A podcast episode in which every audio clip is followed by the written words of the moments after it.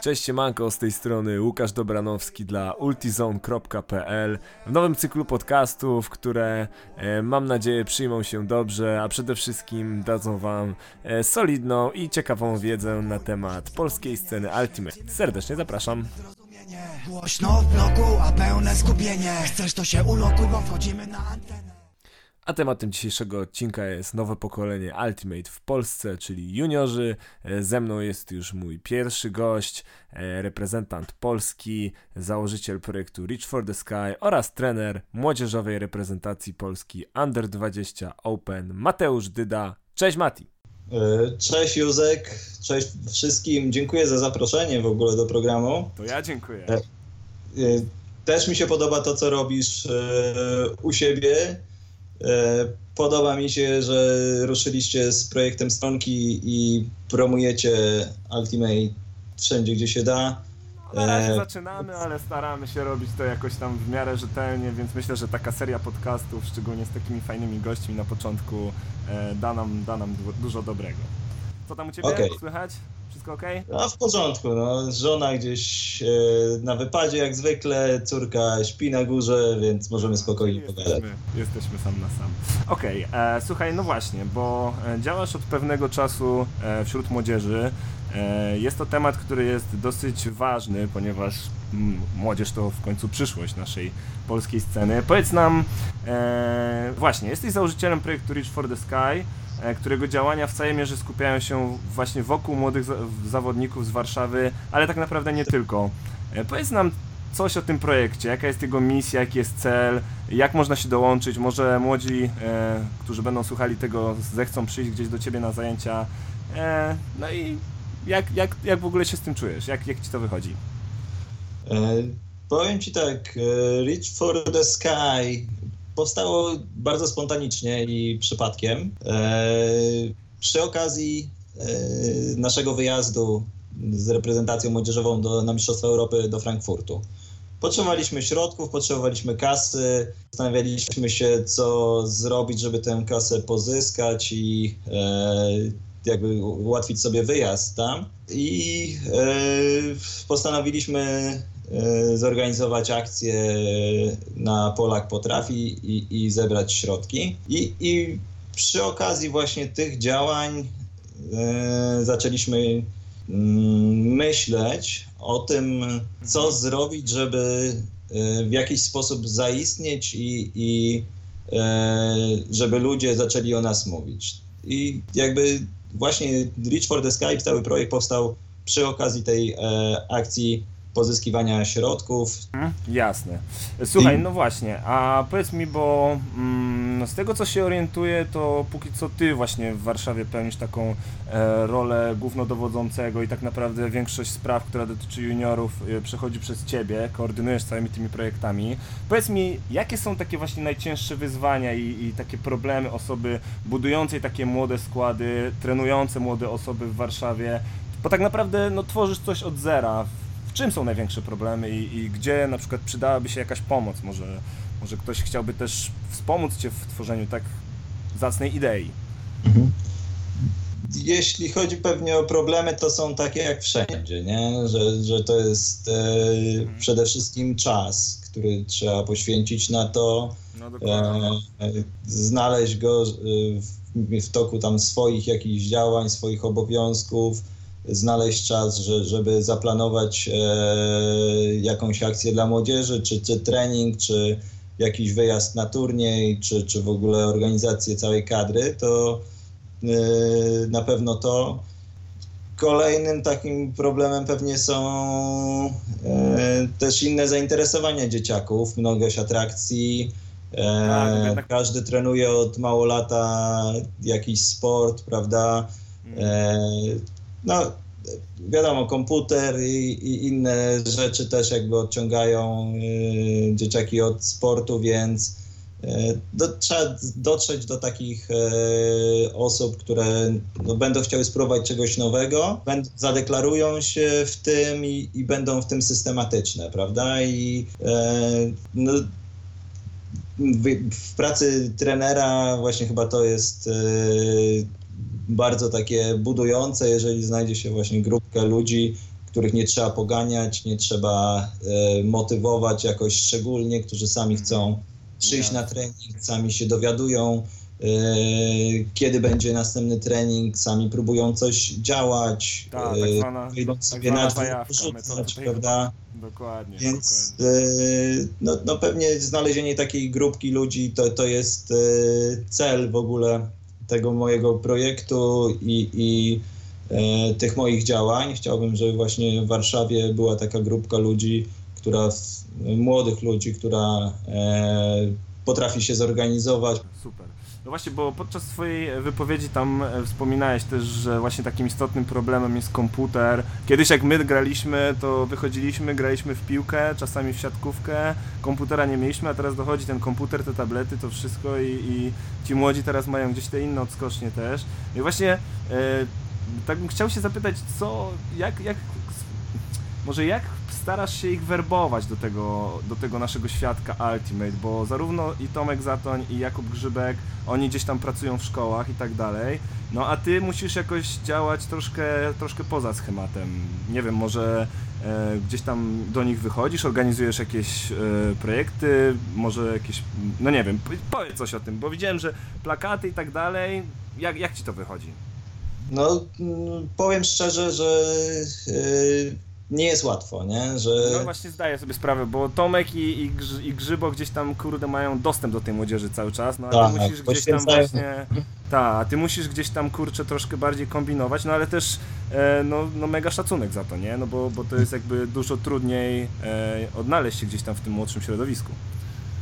no, jeśli tutaj mówimy o, o tym, y, no, porównujemy, porównujemy Wrocław czy do Piewo do Warszawy, no to no, widać zdecydowaną różnicę. Tam właśnie, gdzie trenerzy są full time, gdzie poświęcają e, całą swoją energię i e, wszystko, co mają y, dzieciakom, prawda, gdzie, gdzie organizują te młodzieżowe drużyny, no, w, po roku czy dwóch widać, no, u e, Kuby to jest zdecydowanie dłużej, e, ale widać e, już ogromne efekty ich pracy, nie? No. A ja nie mam takich możliwości, jakby pracuję 5 dni w tygodniu, od godziny 9 do godziny 17. No, moja praca jest absorbująca, nie mam e, jakby zbyt dużo czasu, żeby w czasie e, godzin pracy robić jakieś inne rzeczy i to wszystko muszę robić albo rano, albo wieczorem i e, no, no staram się jakoś ten swój czas e, wykorzystywać. E, to, to, co próbujemy robić w Warszawie, no to, to raczej są jakieś pojedyncze akcje w tej chwili. To nie jest. Znaczy, mamy tak, mamy projekt, który toczy się od kilku lat na targówku na, w gimnazjum, czy w tej chwili w szkole podstawowej na Trockiej. Aha. Ostatnio mieliśmy tam dzień otwarty z dyskiem. O, To super. przyszło, no myślę, że około 200 dzieciaków na prezentację na salę gimnastyczną i później obejrzało mecz pokazowy. Udało nam się dwóch dzieciaków e, włączyć w mecz. Co prawda to oni właśnie byli z klubu piłkarskiego, który tam trenuje przy szkole, ale e, zagrali z nami, także ich chyba im się podobało No nieźle. właśnie, jakie wrażenia, jakie wrażenia dzieciaków? Pierwsza styczność z E, No powiem tak, że, że jeżeli chodzi o e, ten dzień otwarty, zaprosiliśmy dzieciaki do rzucania m, po tym meczu pokazowym i, i było pełne boisko. Ciężko było ogarnąć ten chaos i tak dalej, ale tydzień e, później zorganizowaliśmy pierwszy trening. Ja tam jeszcze e, przygotowałem jakieś plakaty, rozwiesiliśmy w szkole i tak dalej, żeby, żeby wszystkie dzieciaki już wiedziały, że startujemy. E, No i przyszła jedna osoba nowa, więc e, to, to jest tak, że te, to promowanie naszego sportu to, to jest coś, co, co myślę trzeba Ciężka, ciężka sprawa.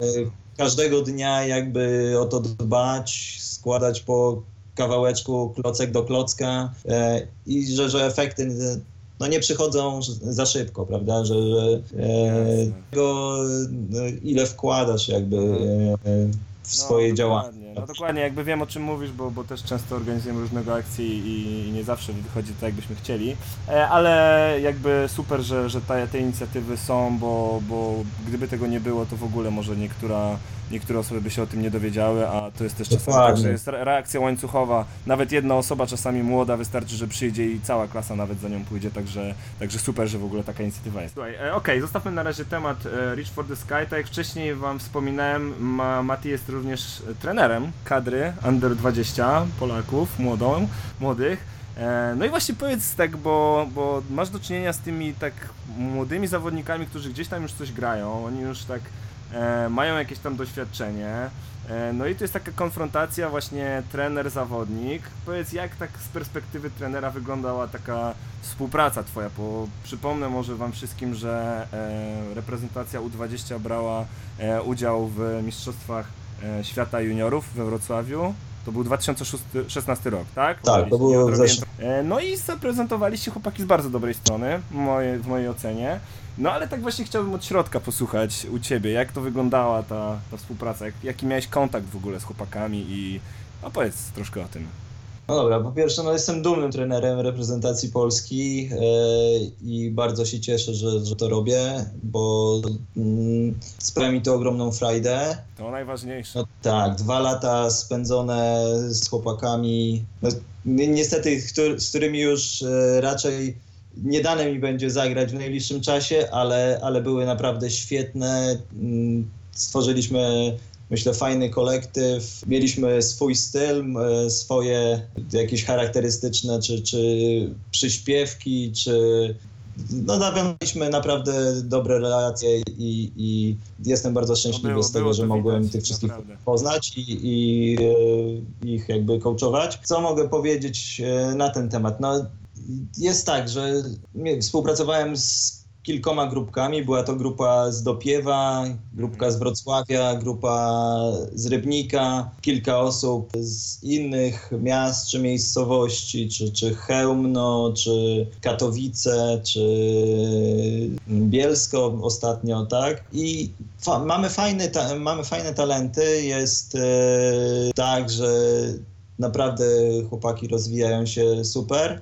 To, co może tak z perspektywy trenera, to, to to, że każda ta grupka gra trochę w innym stylu. E, Ja nie mówię, że to jest źle, ale tak czasem brakowało mi tego, żeby te wszyscy, ci wszyscy chłopcy mieli e, jakieś jedne podstawy, żeby sposób gry, prawda, że, że nie zawsze to mogło się jakoś skleić. My też nie mieliśmy jakoś bardzo dużo czasu, Aha. e, żeby się zgrywać. Zazwyczaj to były trzy, cztery zgrupowania. W tym roku było słabiej, bo to, to w zasadzie chyba były dwa zgrupowania tylko, ale ze względu na to, że nie mieliśmy jakoś za dużo okazji do grania wspólnego i trenowania wspólnego, to musieliśmy to wszystko sklejać i składać podczas samych turniejów.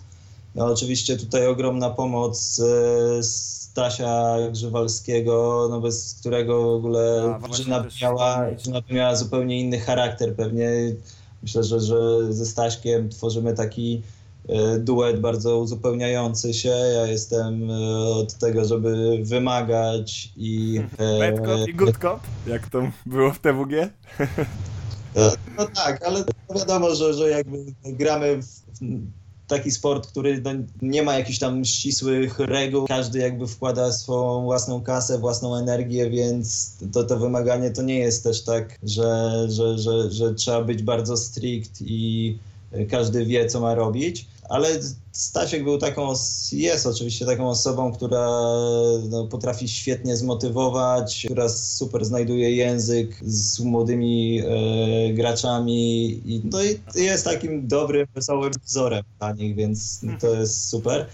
E, No. Michał Joskowiak, który organizacyjnie też bardzo nam pomagał i który widać, że się bardzo rozwija, młody chłopak z Dopiewa, e, ale no, no, no bez niego też ja miałbym strasznie dużo e, dodatkowej roboty, a w wielu przypadkach czy mnie, czy nawet chłopaków z reprezentacji on nas odciążał i był świetnym menadżerem, więc jest świetnym menadżerem, więc e, no, no bez tej dwójki, a pewnie bez innych też osób, e, których w tej chwili nie będę już wymieniał, no to byłoby na pewno dużo trudniej e, organizować. Dobra, właśnie, a powiedz mi jeszcze, bo na tegorocznych Mistrzostwach Europy do lat 20, które były w Welendal, e, zajęliście dziewiąte miejsce, a więc top 10, czyli naprawdę jak na e, kraj, w którym Ultimate jest jeszcze dosyć mało rozpoznawalnym sportem, jest to dosyć dobry wynik.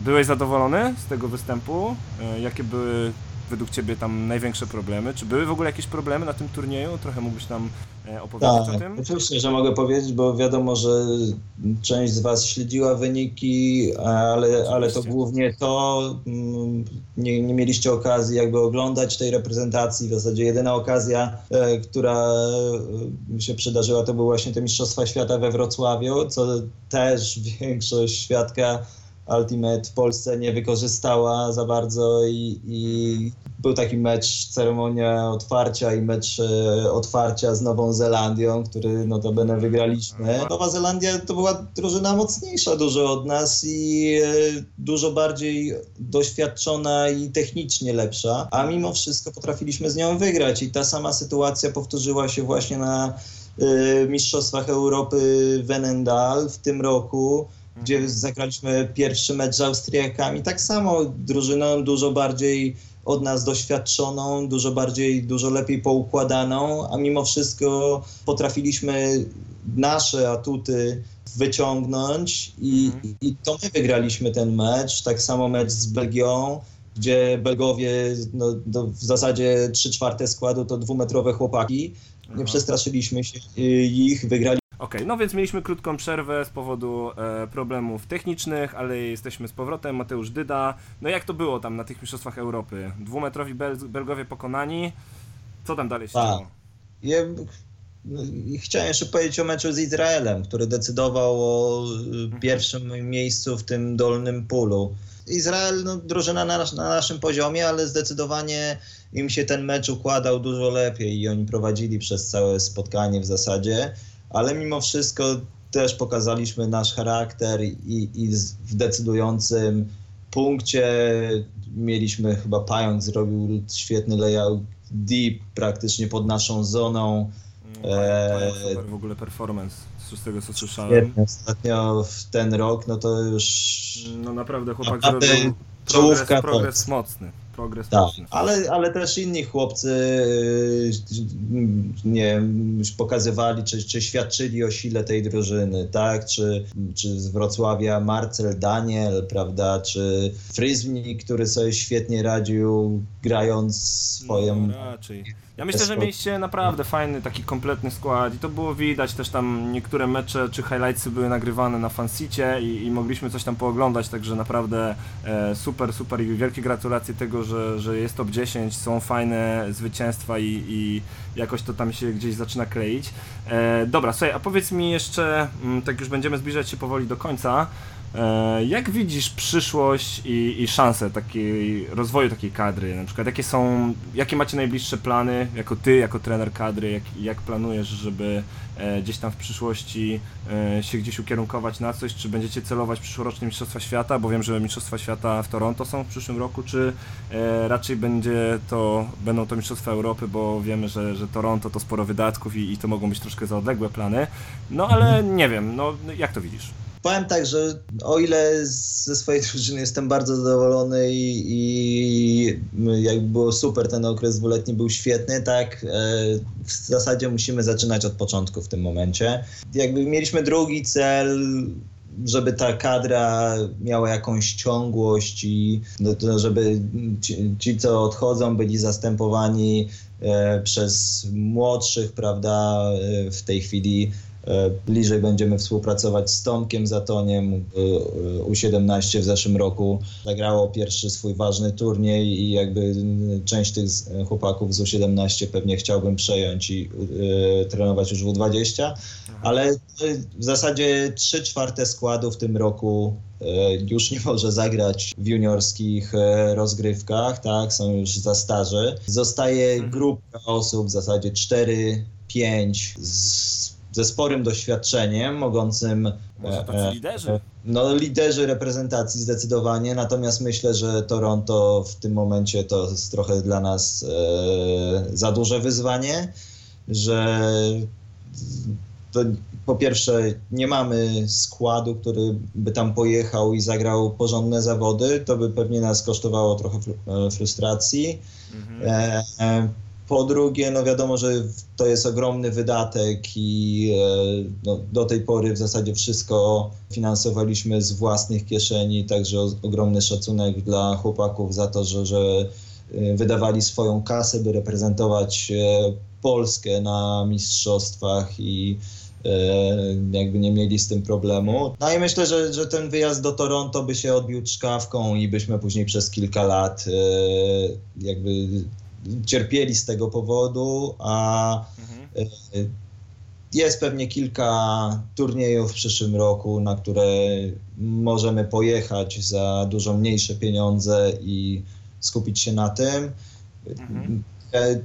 Krąży już w sieci ankieta e, no właśnie. juniorska, prawda, gdzie proszę, żeby cała Polska jakby motywowała i namawiała młodzież, żeby się zgłaszali do nas, żebyśmy wiedzieli, ile mamy osób w tym roku, na ile możemy liczyć, jakby nie tylko w tym, ale w przyszłym, bo, bo chcemy się skupić właśnie na planie dwuletnim w tym momencie, że jakby najbliższy rok to jest okres przygotowań, e, może pojechania na dwa, trzy turnieje i zgrywania się żeby wystąpić e, fajnie i zagrać dobre zawody na Mistrzostwach Europy za dwa lata, prawda?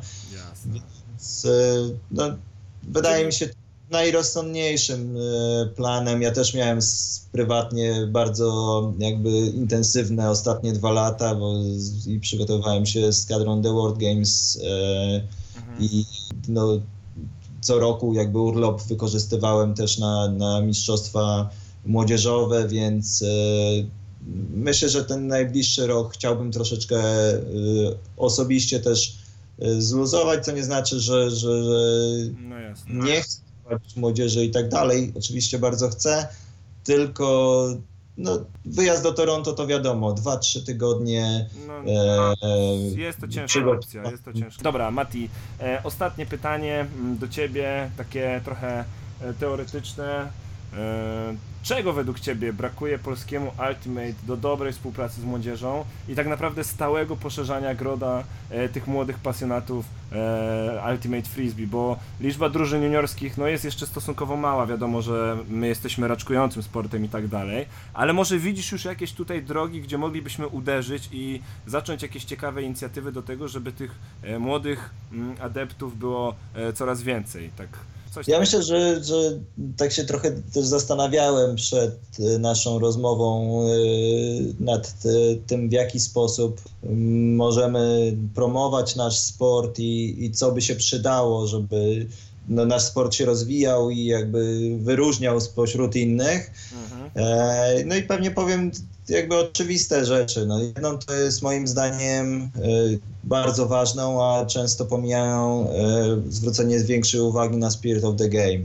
Mhm. Y, to jest coś w naszym, w naszym sporcie wyjątkowego. No, są inne dyscypliny, gdzie ta atmosfera jest e, też jakby przyjacielska, gdzie ci ludzie spotykają się na turniejach głównie dlatego, czy, czy nie, nie głównie, ale również dlatego, że, że nawzajem siebie lubią mimo rywalizacji i tak dalej. I no myślę, że, że ta świadomość Spirit of the Game w Polsce jest słaba i jest mała. I y, jakby nie uczymy nowych graczy tych naszych pryncypiów, uczymy ich jak rzucać, uczymy jak, e, nie wiem, grać na boisku, tak, jak się poruszać i tak dalej, mhm. a za mało rozmawiamy o tym, a to jest coś, co, co w tym momencie, kiedy ten sport staje się super e, profesjonalny i bardzo zmierza w tą stronę, żeby rywalizować z innymi sportami e, drużynowymi właśnie swoją widowiskowością i E, profesjonalizmem, no coś, co może nas odróżniać od tych innych sportów, prawda? Nikt nie będzie no, mówił, e, o Ultimate, przy okazji, nie wiem, rozmowy o piłce nożnej, yy, koszykówce i tam siatkówce, tak, bo tam są pieniądze i tak dalej. Jeżeli co, coś nie będzie nas wyróżniało i coś no nie będzie pokazywało, że ten sport jest jednak super fajny i że tacy ludzie jak my, którzy kurczę usłyszeli o tym, że, że tu jest świetna zabawa i, i mimo rywalizacji na ogromnym poziomie jest też ogromny fan i, i przyjaźń, że, że będą e, ci nowi ludzie do nas trafiać. Więc myślę, że jeżeli mówimy o promocji Ultimate, to to jest e, taka rzecz, nad którą w ogóle powinniśmy porozmawiać i no, zmierzać do tego, czy, czy działać w ten sposób, żeby mm, to było naszym wyróżnikiem. Jeżeli e, ktoś kiedyś może nawet nie grać, pomyśli Ultimate, o, będzie, pomyśli sobie, o kurczę, tam są takie fajne zasady, że naprawdę szacun. No, to jest jedna taka rzecz, która myślę, że, że, że no, jeżeli nie, no, nie, pewnie nie najważniejsza, ale, ale właśnie taka, która może w jakiś sposób nam pomóc na pewno jedna z nasz sport wielu. Na pewno jedna z wielu, która, która mogłaby pomóc, e, bo, bo no jest to ważne. Ważne jest to, żeby gdzieś ten szacunek do przeciwnika, coś czego no, ja osobiście w szkole e, ucząc się no, nie doświadczyłem, bo, bo tak naprawdę grając w piłkę nożną, czy tak e, czy w koszykówkę, to po prostu mamy sędziego i tak dalej, a tutaj jest zupełnie inaczej. Miejmy nadzieję, że e, dzięki temu, e, tej edukacji Spirit of the Game i tak dalej, e, nowe osoby, szczególnie młode, zaczną w tym sporcie się pojawiać. E, moim i waszym gościem był Mateusz Dyda, e, Grandmaster Flash, Reach for the Sky, trener kadry młodzieżowej e, U20. E, dzięki Mati za poświęcony No czas. dzięki, Myślę, dzięki. Jeszcze Moira, tam jeszcze Moira. Moira jeszcze oczywiście, to można by jeszcze wymieniać długo, naprawdę. Jasne. E, Bardzo dziękuję Matiego za rozmowę, zaproszenie. Dzięki. Yeah, yeah, yeah, yeah.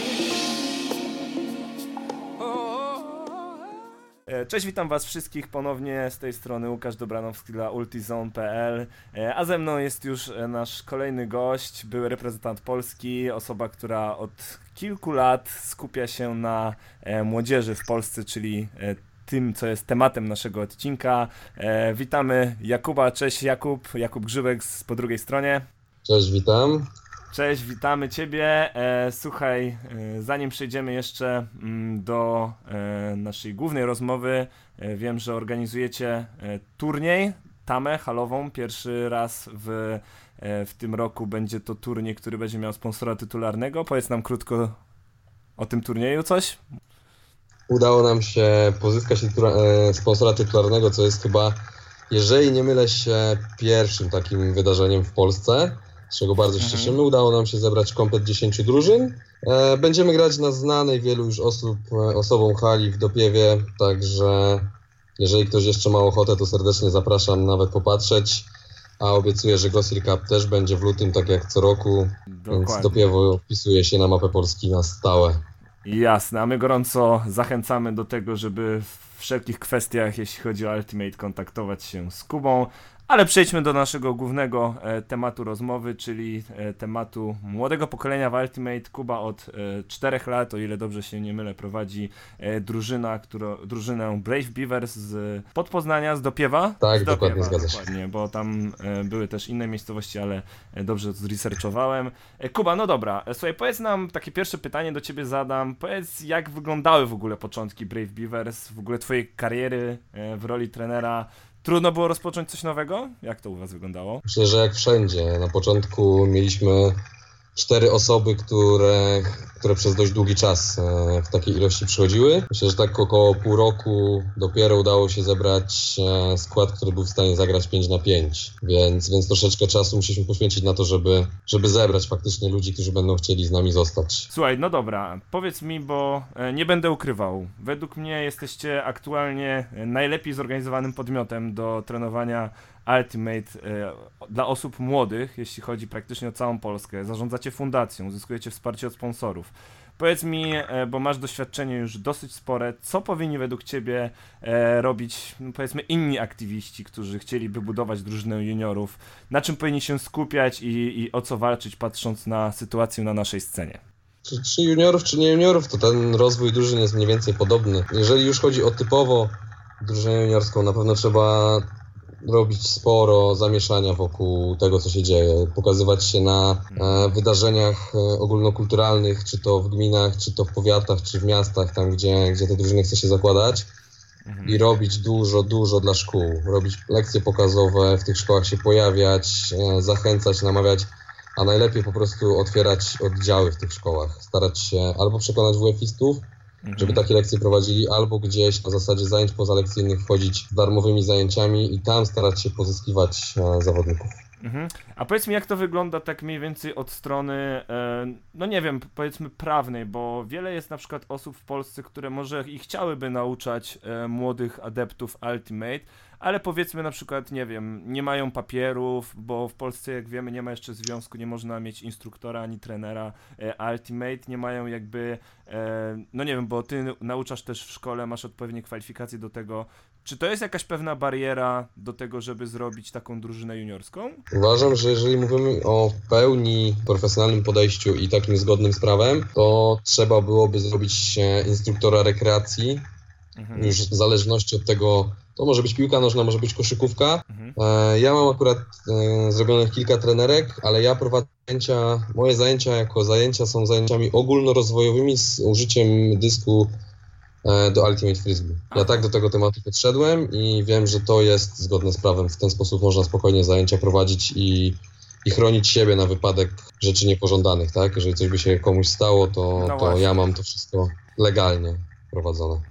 Okej, super. Miejmy, że ta, miejmy nadzieję, że ta informacja e, pomoże niektórym osobom. No dobra, okej, słuchaj, Brave Beavers, powiedz, e, no za nami sezon, skończył, skończył się rok, wszyscy już teraz albo odpoczywają, albo zabierają się za halówkę. Powiedz nam trochę, jak wyglądał wasz tegoroczny sezon, jeśli chodzi o treningi, turnieje, e, zgrupowania. Wiem, że, że byliście też na e, obozie. E, opowiedz coś o sezonie 2017 w Bobrach. To był najbardziej intensywny sezon. Mamy tak co roku, że to się wszystko zwiększa. Z tego też względu, że udało się zrobić już drugi oddział, czyli, czyli naszych Youngów, którzy ramię w ramię jeździli na większość turniejów razem z, ze swoimi starszymi kolegami. Brali też udział w tym obozie, który mieliśmy w Bielsko-Białej, czyli w górach. Pierwszy raz udało nam się pojechać tak daleko na obóz na przewyższenia, żeby, żeby ładować formę, formę w górach. Treningi minimum dwa razy w tygodniu. Sporo osób cały czas pracuje poza treningami, więc e, dość mocno do tego podchodzimy. Ja nadal jestem osobą, która ma podejście, że, że rozwój ogólny jest istotniejszy niż typowo ultimate'owy, więc jest duży nacisk na ogólną motorykę, Mhm. a przy okazji dysk. I, i to się póki co nie zmienia. No nie zmienia się, ale przynosi naprawdę progres, bo widać, że, że drużyna się rozwija non-stop, cały czas gdzieś tam pokonujecie jakieś te swoje bariery. A jak to wygląda e, od strony seniorskiej? Bo powiedz, po, każdy wie, że Brave Beavers to jest, znaczy może nie każdy, ale ci, co interesują się polską sceną, to wiedzą, że jest to drużyna juniorska. Czy ty myślia, myślałeś już o tym, żeby w przyszłości stworzyć również drużynę seniorską? Wiem, że może być to problem, ponieważ Dopiewo jest to dosyć mała miejscowość pod Poznaniem. Sporo osób może gdzieś tam wyjechać na studia, ale no właśnie jak to, jak to wygląda z twojej perspektywy? No właśnie perspektywa jest taka, że skończyliśmy ostatni sezon e, juniorskiego składu, tego, który przychodził te 4 lata temu.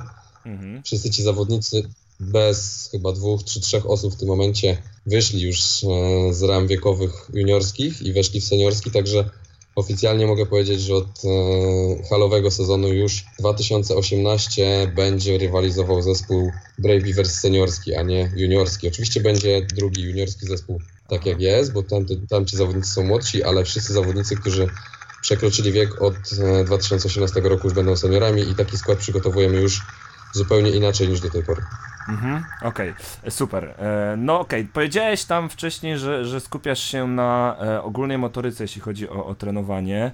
E, a jeżeli przychodzą takie nowe osoby, takie totalnie świeże, które tak naprawdę przyszły, bo spodobał im się dysk, spodobał im się, spodobał im się jak to w ogóle wszystko wygląda, jak to lata i jak można latać w tym sporcie. I takie pytanie, no na czym generalnie skupić się, jeżeli chodzi o, o to, żeby zajarać tych młodych, żeby oni przyszli nie tylko na pierwszy i drugi trening, ale żeby oni przyszli na kolejne treningi. Co robisz takiego, że, że ci młodzi e, są u ciebie cały czas i że, że dochodzą nowi? Znaczy przede wszystkim uważam, że atmosfera, atmosfera w drużynie. Jeżeli ktoś wchodzi do, do fajnej grupy, a od początku jest z niej zaakceptowany i, i czerpie z tego radość, z tego co tam się dzieje, nawet jeżeli mu nie wychodzi, bo przecież nie będzie wychodziło komuś od początku, ale nie będzie za to karcony w żaden sposób, tylko będzie motywowany, że nam też nie wychodziło, próbuj dalej, bo tak podchodzą do tego moi zawodnicy, to myślę, że, że zdecydowanie łatwiej odnaleźć się w takiej grupie niż jeżeli byłoby się spychanym, a rzuty i taka pełna zajawka zawsze przychodzi z czasem i, i myślę, że to jest taka nasza, nasza silna broń. No to fajna rzecz, co powiedziałeś, bo jakby e, jeżeli ci starsi e, gdzieś tam stażem zawodnicy przekazują takie jakby powiedzmy no mentalne e, porady, że kiedyś im też nie wychodziło i tak dalej, to świadczy o tym, że oni muszą mieć jakiś wzór. Powiedz, organizujesz jakieś takie sesje typowo mentalne, typowo takie właśnie e, jak prowadzić tą drużynę, jak dogadywać się między sobą na boisku, jakich zachowań nie popełniać, a jakie zachowania popełniać w drużynie? Jak to u was wygląda? To też, e, ale jeszcze tylko wracając, w Aha. tym momencie mamy tak rozdzielony zespół, że nie można wejść tak jakby z ulicy do zespołu starszych. Mhm, Każdy, okej. kto przyjdzie bez względu na wiek, musi zacząć e, swoją ścieżkę od zespołu młodszego. Jeżeli tam w odpowiedni sposób się wykaże, może dostać awans e, do zespołu starszego. Także ci najbardziej doświadczeni zawodnicy są takim wzorem do, do oglądania póki co. Oczywiście poza treningami można się z nimi spotykać i tam mogą uczyć, ale to też jest taka, taki kolejny motywator do tego, żeby od początku starać się jak najwięcej, żeby przebić się Dokładnie. jak najszybciej do najstarszego składu i do tego teoretycznie najlepszego składu. Dokładnie. No myślę, że taka, taka rzecz na pewno motywuje do tego, żeby jednak w tej drużynie e, cisnąć i trenować, żeby wejść wyżej. Okej, popatrz, scena juniorska to jest cały czas no jednak mała scena, małe grono. No w tym roku na Mistrzostwach Polski Młodzieżowych było, o ile się nie mylę, cztery zespoły. Przepraszam, nie odrobiłem lekcji, nie sprawdziłem tego. Sześć, sześć. sześć przepraszam, Sześć. sześć. E, wy już macie na swoim koncie Mistrza Polski, w tym roku wygrało Flow. Ale co według Ciebie, jako osoby, która no regularnie patrzy na to, co się dzieje w Polsce, powinno się zmienić, żeby pchnąć i rozwinąć ten, ten aspekt juniorskiego Ultimate? No na pewno szkoły, na pewno szkoły, do których musimy jakoś dotrzeć. Pytanie tylko jak, no i, i co jeszcze? Znaczy, jeżeli chcemy w ogóle myśleć o przyszłości polskiego Ultimate, które w tym momencie moim zdaniem jest e, względem lat ubiegłych w dużym regresie, Mhm. to musimy patrzeć na to, żeby nawet jeżeli nie tworzyć młodzieżowe oddziały w każdej drużynie, to chociaż zachęcać młodych ludzi Mhm. do przychodzenia, do uczenia się i do, zastępowania tych starszych, odchodzących już doświadczonych zawodników, bo jeżeli tego nie będziemy robić, to nie dość, że nie będzie sceny juniorskiej w Polsce, to za chwilę moim zdaniem będzie też coraz mniejsza scena seniorska Mhm. bo wszyscy, wszyscy kończymy swoje lata, każdy już powoli e, myśli o odejściu, a niestety nie ma zaplecza, które by ciągnęło te drużyny. Jest kilka drużyn, które sobie radzą, ale jest kilka, które zniknęły z mapy Polski tak naprawdę i moim zdaniem jest to przez brak podciągania młodzieży przede wszystkim, bo tu już nie chodzi o strzelanie w zawodników e, na studiach, którzy pograją kilka lat i będą zakładać rodziny, będą ze sportu odchodzić, tylko właśnie wcelowanie w zawodników młodych, którzy mają dużo lat przed sobą tego grania i będą mogli ciągnąć drużynę dekadę, może więcej. No właśnie, no właśnie, ponieważ ci ludzie naprawdę no, mogą, mogą tu jeszcze długo, długo, dużo zwojować, a, a scena no, jest, jest do rozwinięcia, jest co robić, jest jak werbować dużo więcej ludzi do tego wszystkiego. E, no myślę, że myślę, że w, nie, w niedługim czasie to ten system jakby pozyskiwania tych osób młodych jakoś się tam zmieni. Myślę, że jakoś razem nawet, e, czy to z PSGU, czy z jakimiś innymi organami będziemy mogli rozpocząć jakąś współpracę, właśnie korzystając też z Twojego doświadczenia i z, z doświadczenia innych moich gości, którzy byli tutaj w tym programie. Słuchaj, e, Kuba, dobra, ostatnie pytanie, bo wiadomo, juniorzy to też rodzice. E, jak wygląda w ogóle Twoja współpraca z rodzicami? Jak oni odbierają coś takiego jak Ultimate, bo Ultimate to nie piłka nożna, która jest popularna teraz bardzo w Polsce. Czy oni popierają pasje, które wy wybrały ich pociechy, widzą potencjał w tym sporcie. Wiadomo, że rodzic, trener to, to ważna relacja w drużynie juniorskiej, bo rodzice też dają pieniądze na, na wyjazdy, na, na zgrupowania i tak dalej. Tak na koniec, jakbyś nam powiedział trochę o tej relacji, byłoby super. Myślę, że jak w każdym sporcie jest różnie, bo, bo są rodzice, którzy wspierają tak, że będą zawsze, wszędzie, w każdym momencie. Są rodzice, którzy generalnie dają pieniądze, nie blokują, ale też jakoś wielce nie uczestniczą w tym. Niemniej jednak z większością rodziców e, wraz z Michałem, z którym prowadzimy drużynę, staramy się mieć kontakt. Jeżeli są jakiekolwiek problemy, to, to zawsze, zawsze się z nimi też umawiamy, rozmawiamy, spotykamy się czy to i z zawodnikami, rodzicami, czy, czy z samymi rodzicami, więc, więc ten kontakt staramy się utrzymać, staramy się im pokazać tak naprawdę jakie wartości wpajam dzięki Ultimate, tak? Bo, bo żaden inny sport nie wpaja takich wartości, żaden inny sport nie jest koedukacyjny, nie uczy takiego dużego szacunku, więc tym, tym staramy się zawsze przekonać, że, że jest warto i nawet jeżeli rodzice są gdzieś tam czasami na nie, jesteśmy w stanie przekonać. Jeżeli ktoś nie jest totalnie nastawiony, że nie nigdy, to jesteśmy w stanie na tyle, na tyle porozmawiać, żeby przekonać, więc myślę, że ta współpraca u nas jest, jest w, miarę, w miarę w porządku, to jest, to jest wszystko ok. Mhm. Okej. Okay. Jakie cele na przyszły rok u Brave Beavers macie już określone? Na razie mamy taki powiedzmy off-sezon i trochę przygotowania pod halę. To będzie pierwszy rok, gdzie drużyna będzie delikatnie, bo, bo nie będę mówił i nie będę ukrywał, że hala nie jest priorytetem dla, dla Bobrów. Aha. Przynajmniej dopóki ja ich prowadzę zawsze będzie to niemniej jednak e, w tym roku chcę na pewno, aby seniorski zespół awansował na seniorskie Mistrzostwa Polski. Chcemy też, żeby młodzieżowy zespół, który będzie walczył e, w rozgrywkach młodzieżowych, żeby pokazał się jak najlepiej. Tutaj jeszcze nie chcę zdradzać, jak wysoko będziemy stawiać przeczkę, ale na pewno nie będzie nisko. Okej, okay, super.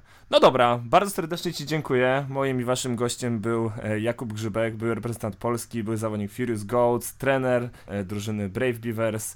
Dzięki Kuba. Chcesz kogoś pozdrowić? Nie, dziękuję bardzo. Yeah, yeah.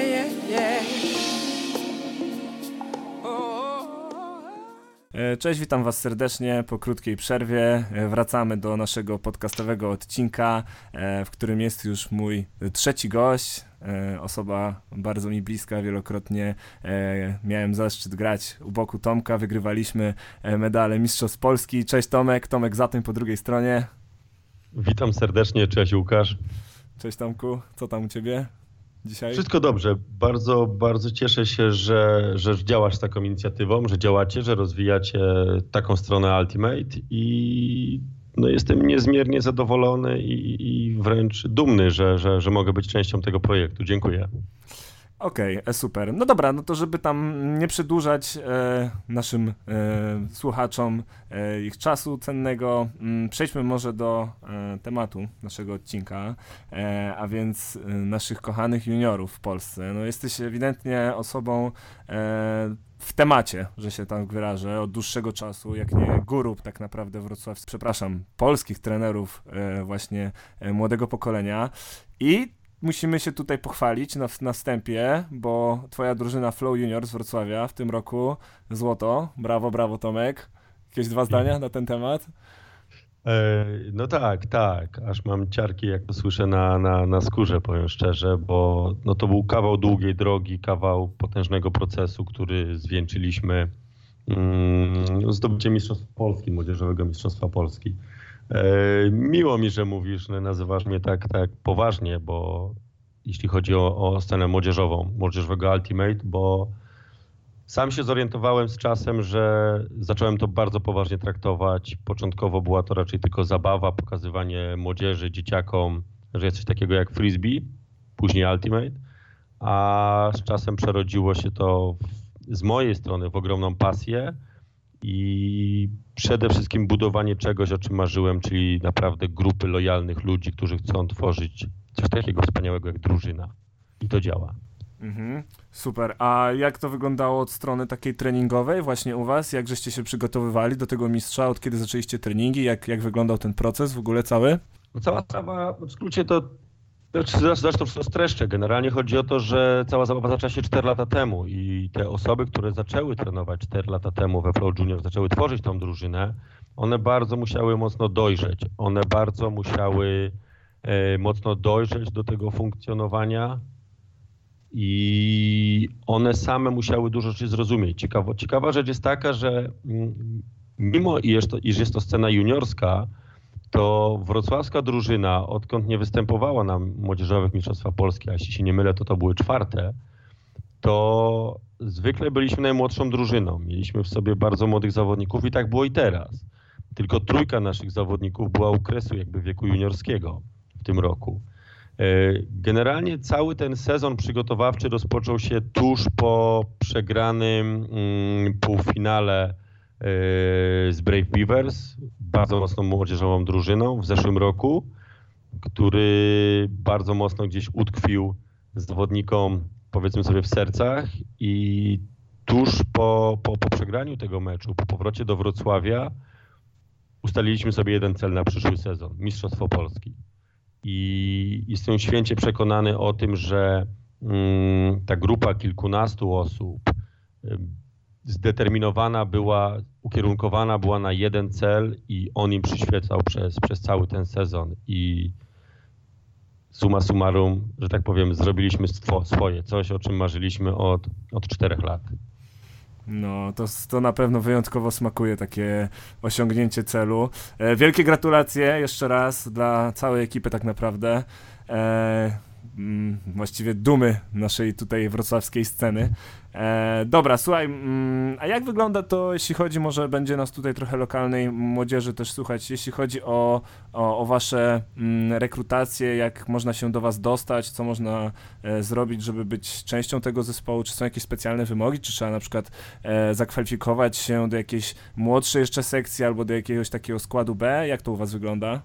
Bo trochę osób już macie, nie? Trochę osób już macie i ten skład chyba jest taki całkiem pokaźny. Zgadza się. To, co mnie jako trenerowi dodaje skrzydeł, to to, że ja widzę, że z roku na rok e, ta drużyna się rozwija. I to pod każdym względem. Nie tylko umiejętności, ale również struktury. E, trochę wyglądała sprawa inaczej w zeszłym roku, gdzie mieliśmy już grupę mm, zaangażowanej młodzieży, zaangażowanych juniorów, którzy chcieli po prostu zdobyć Mistrzostwo Polski. Teraz, gdzie te osoby już są, jeśli chodzi o arenę juniorską, są bardzo doświadczone. Wielu z tych zawodników, trzon tych zawodników tej drużyny e, rywalizuje również w drużynach seniorskich. E, niemniej jednak sytuacja zmieniła się następująco. W tym roku otworzyliśmy się, tak jak w zeszłym roku może tak, mieliśmy, mm, byliśmy mocno sfokusowani na jeden, jedyny cel, tak teraz y, troszkę to rozbudowaliśmy, trochę to rozdmuchaliśmy. Y, pomijając kwestię tego, że zrobimy wszystko, będziemy dużo pracować i, i, widzę zdeterminowanych zawodników, przyszłych zawodników, którzy są już skupieni na tym, żeby nie schodzić z mm, stronu przez najbliższe niemalże x lat, y, to teraz dzięki temu, że trójka naszych juniorów już wyszła z wieku juniorskiego, e, Maciek Pająk, Maciek Skorupa i Gosia Czaplińska, to to, co strasznie mnie zbudowało, to informacja tych osób, że oni chcą się zaangażować w rozwój młodszych kolegów. I powiedzmy sobie pokrótce, że te osoby początkujące, które dopiero będą dochodziły do nas do drużyny, będą trafiały pod skrzydła właśnie wspomnianych osób. I te osoby, które będą najbardziej perspektywiczne, a powiedziałbym szczerze, bo tak wygląda rekrutacja, to te osoby, które najbardziej będą chciały. Te osoby, które szczerze będą chciały trenować, angażować się w drużynę, po prostu uczyć się, to te osoby znajdą swoje miejsce w szeregach Flow Junior. Tutaj z jednej strony nie ma żadnej rekrutacji. Myślę, że ten sport jest na tyle nowy i świeży, że ciężko mówić o selekcji, że ciebie biorę, ciebie nie biorę, bo ty jesteś wysoki, a ty jesteś za niski. Tu chodzi o serce. Każdy, każda osoba, która ma serce i do, do, do walki, do rywalizacji, do sportu, bo to jest jednak kawał ciężkiego chleba, nie oszukujmy się, to znajdzie miejsce w naszej drużynie i przyjmiemy ją z otwartymi ramionami. Powiem więcej. E, wiele osób dopiero u nas doświadczyło tego, że faktycznie ma serce do walki, do serce do sportu. Także warto przyjść, spróbować, a co ma być, to będzie. E, słuchaj, bo nie wspomniałem jeszcze wcześniej, e, Tomek, jesteś nauczycielem też w szkole i tak naprawdę sporo właśnie, można powiedzieć, e, młodego pokolenia trafia do Flow Junior przez to, że praktykujesz frisbee na zajęciach z WF-u i tu bym się chwilę zatrzymał e, na tym punkcie, bo gdzieś tam poruszyliśmy temat z Kubą wcześniej, że jest to świetny target, jeśli chodzi o młode osoby w naszym sporcie, czyli takie szkoły, ale chciałem się zapytać, co jeszcze według Ciebie jest najbardziej potrzebne do takiej, do rozwoju juniorskiej sceny w Polsce, bo każdy ma na to różny pogląd, a Twój z pewnością jako osoby, która gdzieś tam siedzi od dłuższego czasu w temacie, no można powiedzieć jest, jest cenny. Czy możesz, może masz jakieś wskazówki? Może gdzieś tam e, ktoś to usłyszy, jacyś trenerzy albo ktoś i, i, będzie chciał też spróbować, może zrobić taką juniorską drużynę gdzieś, także jak to widzisz? No na pewno bardzo czekam, e, rozmawiałem też z wspomnianym przez Ciebie Jakubem, e, bardzo czekamy na rozwój mm, Ultimate, młodzieżowego Ultimate w nowych miejscach, ale odpowiadając na pierwszą część Twojego pytania, e, to faktycznie to, że jestem nauczycielem, pracuję w gimnazjum, które teraz zmienia się w liceum powoli z tytułu reformy edukacji, to jest dla mnie ogromny handicap. To jest potężna przewaga. Ja mam po prostu, że tak powiem, technicznie do dyspozycji całą masę dzieciaków, młodzieży, która po prostu czeka na coś. Tak? Część z nich, wiadomo, zaangażuje się w jedną dyscyplinę, część w drugą. Ważne to jest y, to, żeby dać im wybór i dać im coś nowego. I to dzieciaki doceniają, że jakby Ultimate y, ze, z całą swoją ideologią bardzo mocno wykracza poza te dyscypliny, z którymi mm, mieli styczność w podstawówce, w gimnazjum, czy dalej będą mieli w liceum. Także jest to coś dla nich nowego i no, każdy, kto zna Ultimate, to wie, że jest to bardzo, bardzo chwytliwy towar. I każdy, kto spróbuje, mm, może tak, Jeff Schwartz, osoba, która można by powiedzieć przywiozła Ultimate do Polski, mm, kiedyś zapytany, dlaczego Ultimate nazywa się Ultimate. On odrzekł, że jednym ze znaczeniem słowa Ultimate jest y, ostateczny. I faktycznie każdy, kto zacznie uprawiać ten sport, w zasadzie już żadnego innego uprawiał nie będzie.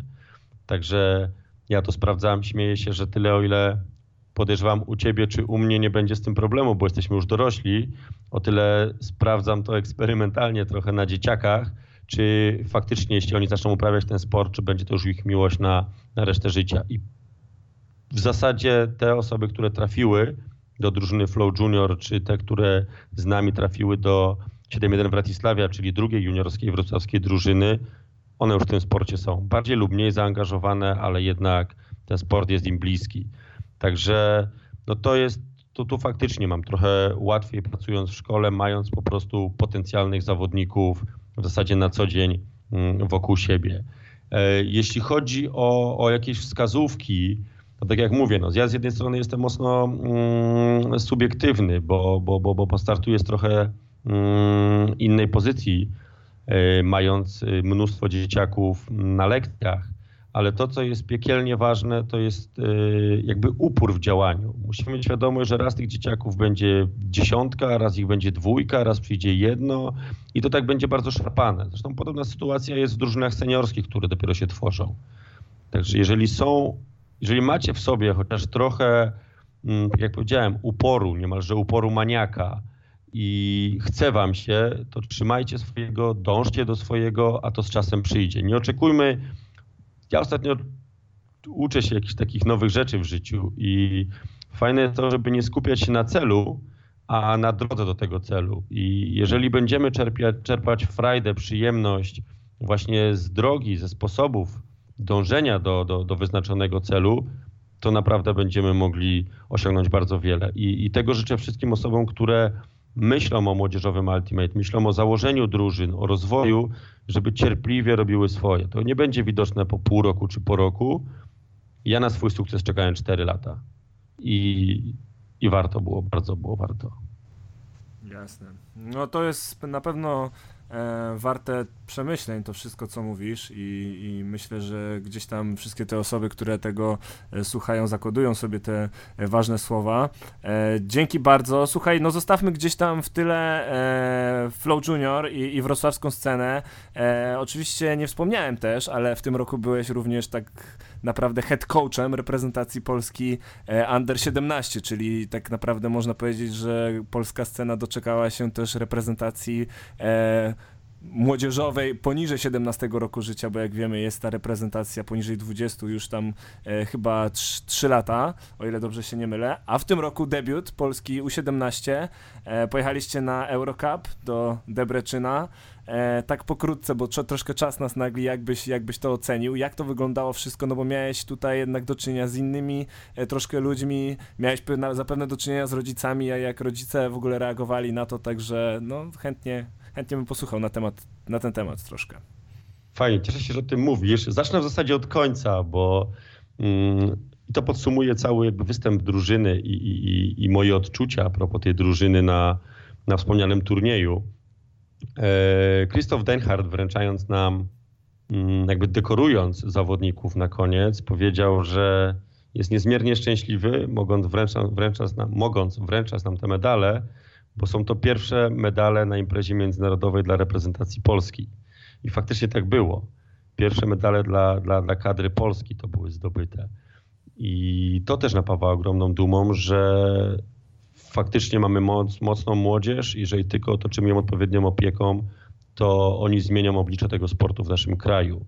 E, już od dłuższego czasu, również za, za, za sprawą wspomnianego Krzysztofa, byłem namawiany do tego, żeby stworzyć taką reprezentację. Uznałem, że w zeszłym roku jeszcze nie jesteśmy gotowi, w sensie nie mamy na tyle jakby zaangażowanej młodzieży, która chciałaby i automatycznie ich rodzice chcieliby się zaangażować w taki projekt, jakim jest kadra Polski, a nie oszukujmy się, to jest bardzo poważna sprawa i ja do tego podchodziłem śmiertelnie poważnie mm, i tak też uczyłem tego, przekazywałem tą wiedzę młodzieży, żeby mieli świadomość tego, że biegają po boisku z orzełkiem na piersi i, i, i, chciałem, żeby byli z tego dumni i, i to nam się udało, bo muszę koniecznie wspomnieć, że e, stworzone były, utworzone były dwie reprezentacje, męska i żeńska.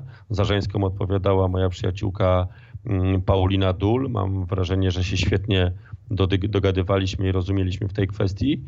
I, i co? Od początku e, mieliśmy jasny cel, chcieliśmy zebrać drużynę, która będzie się chciała uczyć wspierać, będzie chciała się po prostu uczyć i samej drużynowości i funkcjonowania y, z ludźmi z innych drużyn, ale również funkcjonowania z przeciwnikami, z ludźmi z innych krajów, a zdecydowana większość z nich nigdy wcześniej mm, na takiej imprezie nie występowała i, i, i nie rywalizowała na takim poziomie.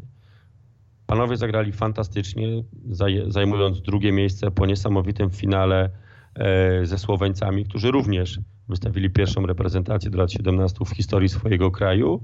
E, dziewczyny e, zagrały świetnie. One miały troszkę bardziej skomplikowaną sytuację, ponieważ była to mm, jedna z dwóch bodajże drużyn U17.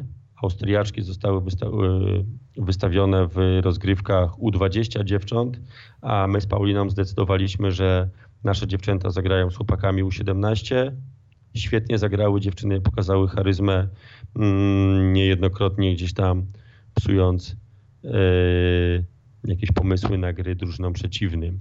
Jeśli chodzi o rodziców, to to jest coś niesamowitego. Ja naprawdę czuję, mm, że, ci, że rodzice piekielnie mocno wspierają swoje dzieciaki, swoją młodzież.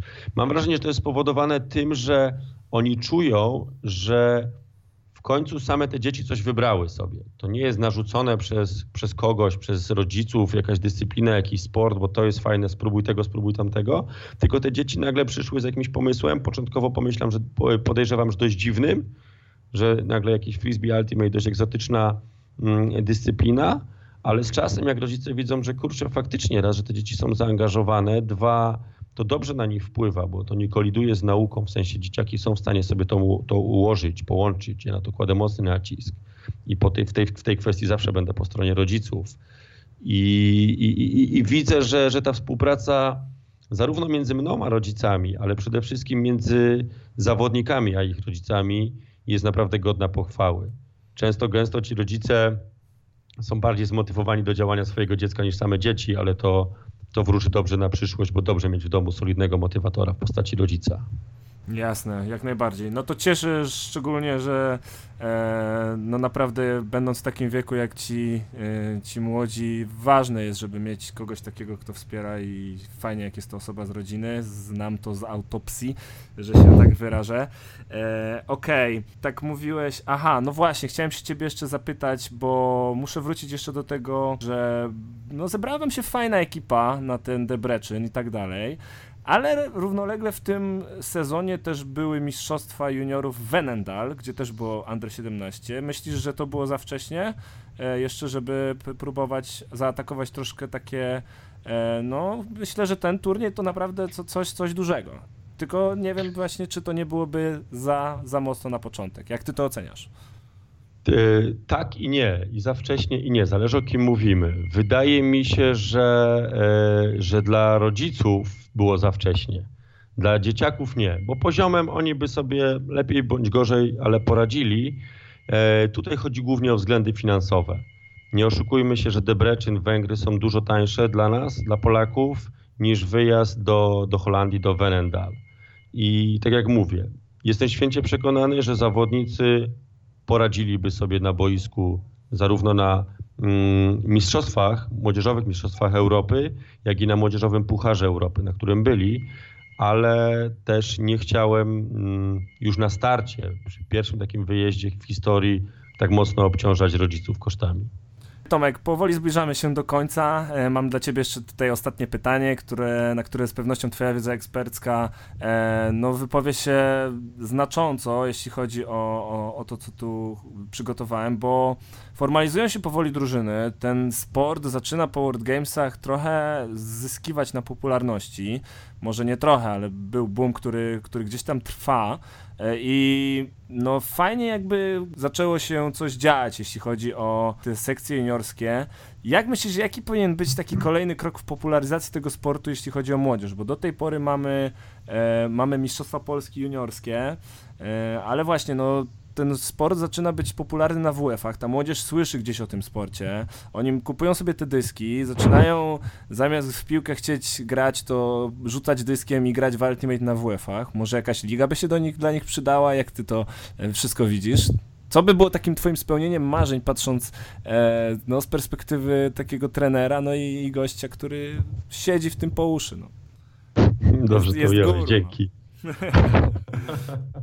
już nie przesadzajmy, ale jakby idę w tym kierunku. Chciałbym naprawdę czuć się mocny jako trener i, i, i, być mocnym trenerem i chciałbym w przyszłości, żeby faktycznie ludzie mogli ode mnie czerpać wiedzę, ale to jeszcze bardzo długa droga przede mną. Odpowiadając na twoje pytanie, do marzeń może za chwilę. Jeśli chodzi o działania, to właśnie wczoraj, wczoraj rozmawiałem, nie, dzisiaj, przepraszam, rozmawiałem z kolegą z pracy, wybieraliśmy termin na pierwsze we Wrocławiu rozgrywki międzyszkolne w Ultimate. Będą to rozgrywki mistrzostwa, powiedzmy sobie, Wrocławia i wśród szkół ponadgimnazjalnych i wśród gimnazjów. To już mamy zaplanowane, uchylę rąbka tajemnicy, tuż po feriach, czyli na początku lutego powiedzmy.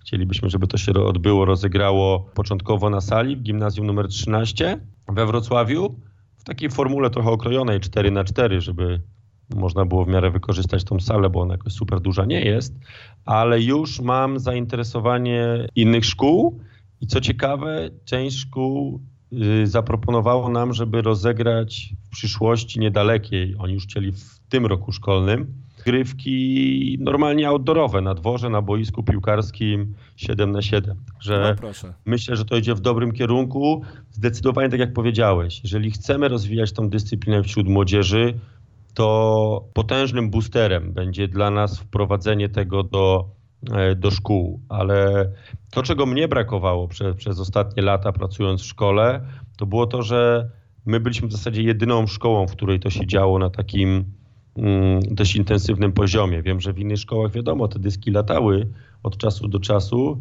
ale ta zajawka kipiała tylko u nas w szkole. To się zmienia na szczęście. Coraz więcej szkół e, jakby wychodzi z cienia i, i zaczyna się coraz mocniej angażować. Coraz więcej nauczycieli chce tym zarażać dzieciaki i, i myślę, że to jest jakby klucz do sukcesu, żeby i na WF-ach pokazywać to frisbee, jak działa, jak lata, co można z nim zrobić i prowadzić dodatkowe zajęcia, tak jak ja robię na zasadzie, nie wiem, SKS-ów czy dodatkowych zajęć, to się różnie nazywa. E, I dzieciaki będą na to chodziły, tylko muszą być osoby, pasjonaci, którzy będą chcieli wziąć za to odpowiedzialność. Mhm. Czyli jakby musimy, musi, musimy zwiększyć jeszcze tych grono pasjonatów. Ja bym to tak spolemizował na Tak, koniec. idzie to w dobrym kierunku, bo współpracując chociażby z Michałem Dulem, który prowadzi klasę sportową o profilu Ultimate we Wrocławiu, robimy wszystko, żeby wprowadzić Ultimate do, do szkół, do programu. Michał już y, stworzył swój program mm, mm, nauczania, już wprowadza normalnie to na, na, na lekcjach, także dzieje się dużo dobrego. Dajmy sobie jeszcze chwilę, mam nadzieję, że efekty będą widoczne lada moment. Bardzo Ci dziękuję, Tomku. Było mi bardzo miło gościć Cię tutaj na naszej rozmowie. Pięknie dziękuję. To była Pięknie czysta przyjemność. dziękujemy. Jasne, my będziemy się widzieć gdzieś tam na live'ie. Ja, moi drodzy, dziękuję Wam serdecznie za uwagę i zapraszam do kolejnych podcastów.